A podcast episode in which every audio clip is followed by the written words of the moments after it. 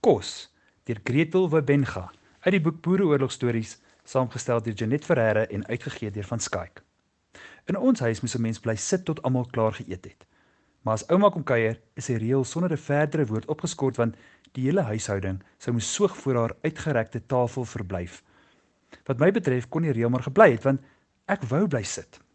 My ouma het nie geëet om klaar te eet nie. Sy het aandagtig geëet. Elke happie met neus, oog en mond beproef en tussendeur met lus gesels en stories vertel. Haar eetritueel het my daagliks van vooraf geboei, van die oplig van die deksels af tot by die uiteindelike eenkant skuif van die leebord, mes en vurk netjies langs mekaar. Met soveel onverbloemde lus skep sy in dat jou mond van self aan die water gaan. En as haar bord kant en wal lê, kom sy die kom sy die stomende kos met die heuningpotjie by dat die aartappels en die boontjies, die rys en die vleis gekroon raak van gesmelte goue strepe. Haar oë trek kreekeltjies van lekker kry. Sy trek haar wit damas servet uit die koperring, al ding wat ek nog het van my moeder van my moeder het en druk dit bo by haar kragie in. Plegtig dan lig sy die mes en vurk op, hou dit so fyntjies vas met die vurk na bo gedraai soos hy in die seminarie in Woester geleer het. Al het my pa altyd gesê dis 'n dom Engelse gewoonte. Ons het haar dit nooit nagedoen nie, die die soet eetery. Selfs vir my kindersoettand was die geregte die gedagte te erg. Al het my ma dit nie openlik gesê nie, kon ek 'n diep gril in haar lyf sien as ouma die heuning so strooi. Maar in die slaaiblaar het ek en my pa, nes ou nes my ouma, 'n dik laag suiker gestrooi. Ek meer vir die knars as vir die smaak en in 'n lemoensap twee groot lepels suiker vir die onverwagte dik soet sap as die glas byna leeg was. As al die skorrelgoed behalwe myne en ouma se vergete al terug is in die rak, dan kom ouma en ek nog eers by ons glase melk na die ete en dan trek sy die vrugtebak nader vir 'n nagereggie. Dis immers die immer draaiende skil wat afspiraal onder ouma se vrugtemessie. Sy sny happie vir happie af. Ek wag. Sy sny vir my 'n wit uh, vir, vir my wit skywe appel in 'n klein bordjie of lê skywe lemoen in my mond. Stories stories smaak ook lekker en ouma het stukke storie van ou tyd se dae vertel sommer tussen die servet en die aartappel of die melk en die vrugte of tussen die happe deur wat 'n mens met 'n toe mond eers klaar moet kou en sluk voor hy verder mag praat. Die ander huismense het moeg geword van dieselfde stories, maar ek kon met een onskuldige vraagie vir ouma op die ou spoor sit. Van die stories van die oorlog en van toe ouma nog 'n kind in die kamp was, het ek nooit versadig geraak nie. Eers toe haar stem stil geword het, het ek behoorlik besef hoe goed sy kon vertel en hoe behendig sy ter wille van die vorm kon aandik of weglaat. Voor jou oë verander sy in die mens van wie sy vertel. Raak so weggevoer dat sy vir die waarheid vir ons goed opdis wat sy nie kon geweet het nie. Soos hoe haar pa op die skip op pad Ceylon toe moeisaam op sy elmboog orent beur nadat ouma hom 'n tyd lank in 'n beswyming laat steun het van die pyn van skietwonde wat wat in kwaad wat kwaad ingekry het. Hy sien deur 'n koors waas sy beminde vrou se gesig voor hom verby swewe met haar koperrooi hare wat waai in die wind, sy vrou wat hulle sê begrawe lê buite die kamp in Middelburg. Ouma gooi haar kop agteroor, haar gesig vertrek van smart en sy roep: "Jusina, Jusina!" want dit was die beminde vrou se naam en dan sak sy weer weg in haar pa se bewusteloosheid, haar klein ronde lyfie, heeltemal ineengedoke en haar kop skuins teen die servet in haar rokkragie. Ek sien hoe die wind pol in die seile oor kan die gewonde man se kop, dieselfde wind wat woel deur sy lang Jan van Riebeeck hare. Sy kanterige hemp is vuil en vol droë bloed en op sy wange blink die trane en ek rek my oë wyd oop en trek my asem in om nie aan grense te raak nie. Dan sê ouma waarwyd wakker uit haar beswyming. Maar dit was natuurlik alles leuns wat die spulkakies kom vertel het om hom in te breek, jy sien? Vir my ma vertel hulle ook hy's dood op die skip, maar moeder was 'n sterk vrou.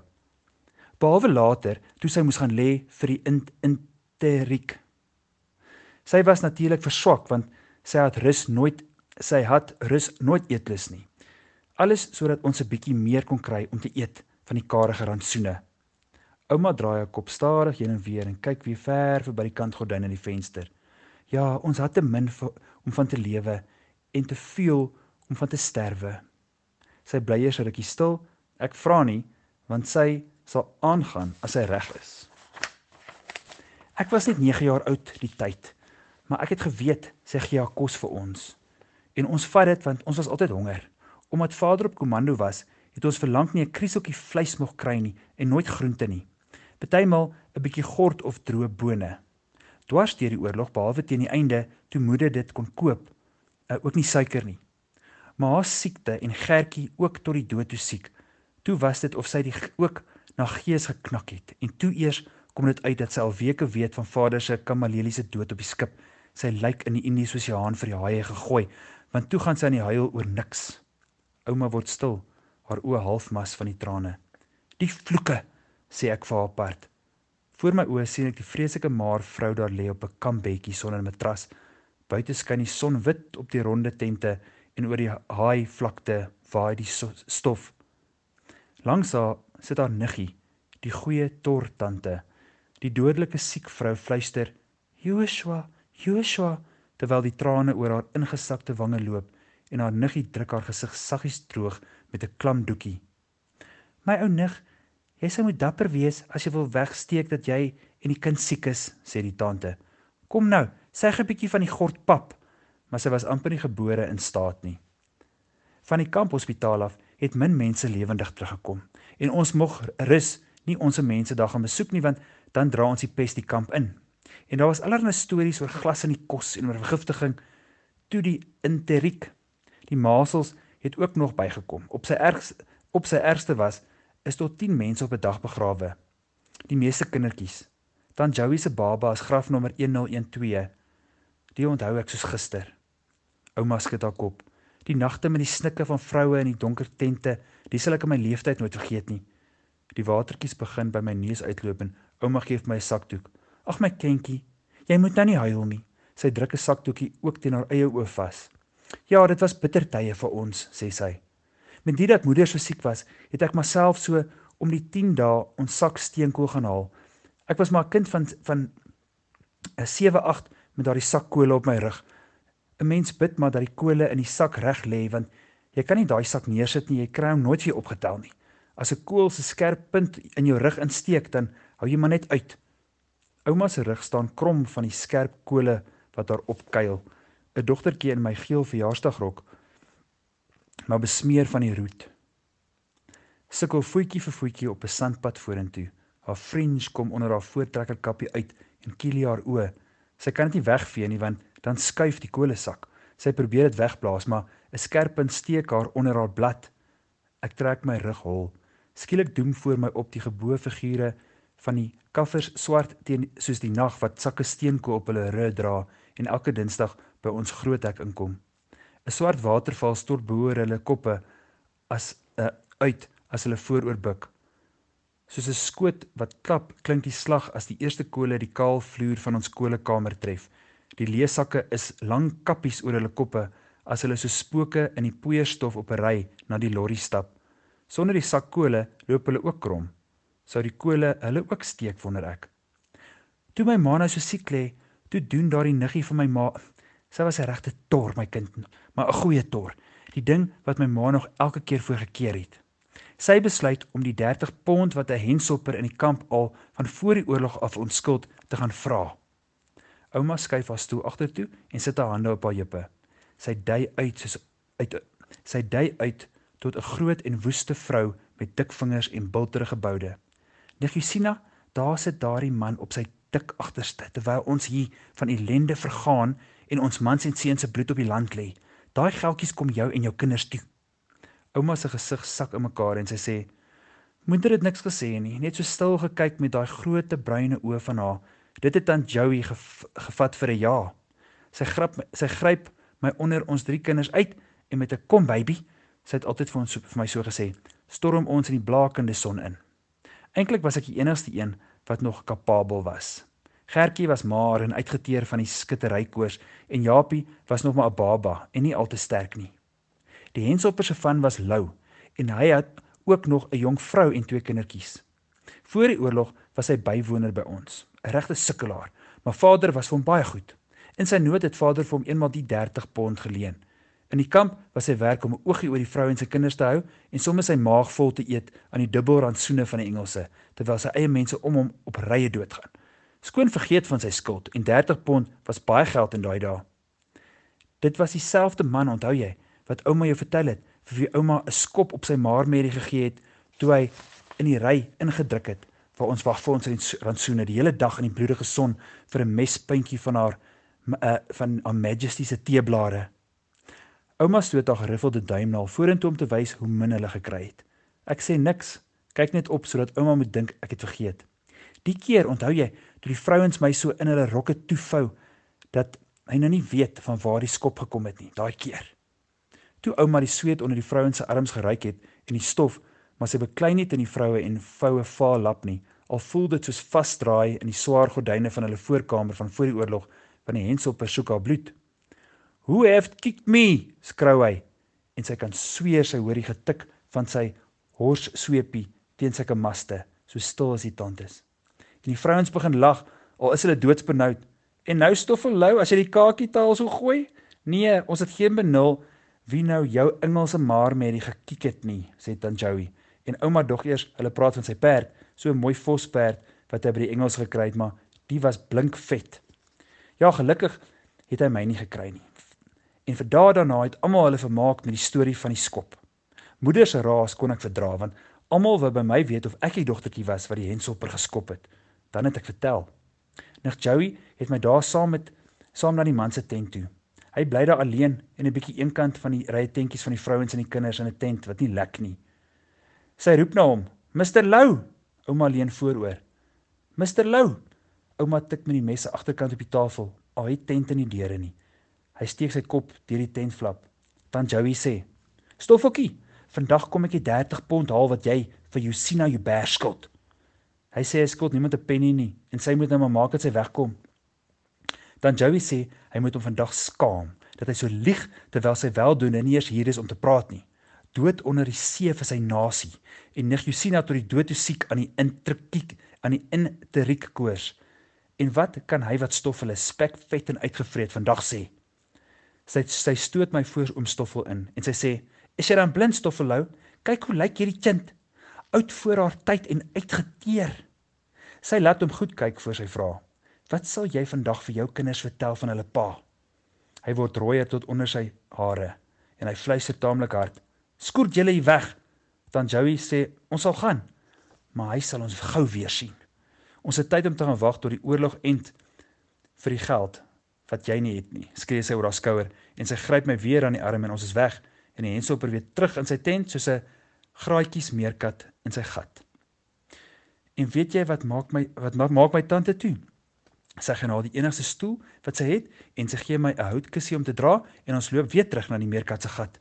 Daar het sy ons twee sit gemaak en elke mens wat verbykom of hy dit nou wil hoor of nie vertel sy in 'n groot stem hoe ons wag vir die 30 pond wat Stoffelou ons skuld of of skuld eerder aan die weduwee Hubert wat siek lê aan die koors met hierdie chint nog die enigste een op die been en dan wys hy so na my toe wat met my kieriebeentjie sit en swaai daar langs haar op die kussie. Ons sit die hele ganse dag daar en as Hens op sy gesig wys, dan vra die vroumense, hulle speel nou saam sien. Is dit nou hy? Is dit die een van wie oorle Joshua Joubert destyds geld geleen het of aan wie? Later skree hy nie meer eers meer vir ons uit sy tent nie. Hy bly maar daar seetjie sit sonder 'n boe of 'n ba. En toe die son ondergaan en Tanjoui laat twee komberse haal vir my en vir haar elkeen, Toe kom hy uit sy tent met 10 pond wat hy sonder 'n enkele woord gee toe niemand naby is nie. Baie dankie Mr Lou, sê Tanjoui, en wel te ruste. Sy sit dit versigtig in haar voorskoot sak, 'n vuil voorskoot onthou ek. Maar net ander dag môre sit ons weer op ons pos en die vroue dra vir ons krieseltjies kos aan. Party kom sit hulle lap en stopwerk daaraan doen. Jy kan maar sê op die henselper se stoep. Hy maak dit uit. Hy maak dat hy uit die tent kom en sover hy loop lag die mense. Hy bly die hele dag weg, maar ons roer nie van ons sitplekke af nie. Naderhand vertel ek vir die wat nog nie weet hoekom ons al sit nie. Ek sê van die fortuin wat Mr Lou ons skuld en vertel van my arme oorlede vader se goeie dae en hoe my ma en Gertjie en Japie op sterwe lê in die warm tent. Dan Joey sê ek is 'n voorwaartse kind en ek moenie so lieg nie, maar almal hang aan my lippe. Teen die aand is Lou terug, skarrel in sy tent in. Dan Joey vertel vir my die gelykenis van die man wat op reis gegaan het en vir sy slawe elkeen 'n muntstuk gegee het. Ons sit daar lekker toegewikkel in ons komberse en sing die aandgesang so hard dat die berge antwoord gee. Ons skaars was die laaste noot weggesterwe of die joiner bring siekies nog 10 pond. Moeder is dankbaar, maar sy sê dis nou genoeg. Ons moet die man nou in vrede laat. Ek sien dan Joey vat so vat te lank vir sy antwoord en ek het die konsert geniet elke dag daar voor die Henselper se tent. Ek sien hier is nou 'n stryd te strye en ek beduie van onregverdigheid en van Vader wat wou hê ons moet bly lewe en allerlei bedinksels nog daarbey. Ouma raak stil. Nou sien sy haarself daar voor die tortante en haar ma met haar dun armpies wat so swaai. Ek neem die woord. Maar toe vat dan Joey gelukkig weer vlam toe ouma so lol. Op die derde dag kom hulle weer terug en ouma sit daar die hele dag op ouma se kussie langs die vet vrou. En en hakkies, nou hoe hoe het jy geweet sy was vet lag ouma? En die mense hou piknik daar om julle al hulle om julle al het julle nie kos nie. Dis amper soos 'n sirkus en die Henselper is Hans Wors al wil hy nie. Toe die son onder is en hy seker is niemand kan hom sien nie, bring hy die laaste 10 pond wat hy geleen het by sy vrou se broer, Japie Vermeulen van Kromdraai. En toe kom julle weer 'n bietjie kos koop vir die siek ouma Groetjie en vir Gertjie en Japie en vir ouma en die tortante. Dis presies net so ouma se kind vir 3 ronde dae, eenmaal dwars deur 'n vreeslike donderstorm, het ons daar gesit vir die 30 pond. Moeder het die laaste 10 pond vir Tanjoui gegee wat sy eers nie wou vat nie, maar ek het dit in daardie einste vuil voorskoot voorskoot se sak ingedruk. Met die res kon moeder toe vir ons kos koop by dieselfde kampwinkeltjie waar die rantsoene uitgedeel is en die hensel per sy skop gekry het. Ouma bly lank stil en sy kyk so of sy ver oor die berge staar. Ek wag vir die laaste sin wat sy nog wil sê. Was dit nie vir daardie 20 pond nie, was ons almal seker dood. Wat in daardie dae was ons spyse, ons trane, sê sy mooi stadig en ons kyk mekaar vas in die oë. Jare later sit ek op 'n dag aan die oorkant van 'n wellewende bankettafel. Luister vaag weg na die babbel van 'n Britse vrou oor die streke en poetse van jong mense in haar familie, wat ek skielik duidelik begin hoor. Sy vertel nog glimlaggend aan my hoe haar ouma en disse trawante as jong meisies tydens die boho vir die pret probeer het om die plekke waar die boere meisies kos vir die boere op komande weggesteek het uit te sniffel, die kos weg te gooi of as dit lekker gelyk het selfs op te eet. Nader het presies geweet watter plekke die beste kos hou. Ek hoor myself sê en toe dit nie help nie. Gooi kitchen in die vroue en kinders in die konsentrasiekampe waar hulle tot die dood toe uithonger. Aan die skielike grafstilte om die tafel weet ek dat my stem te hard was vir die geluid van silwer op porselein. Toe draai ek my geboue vurk om en gaffel stil die ertjies in my mond in.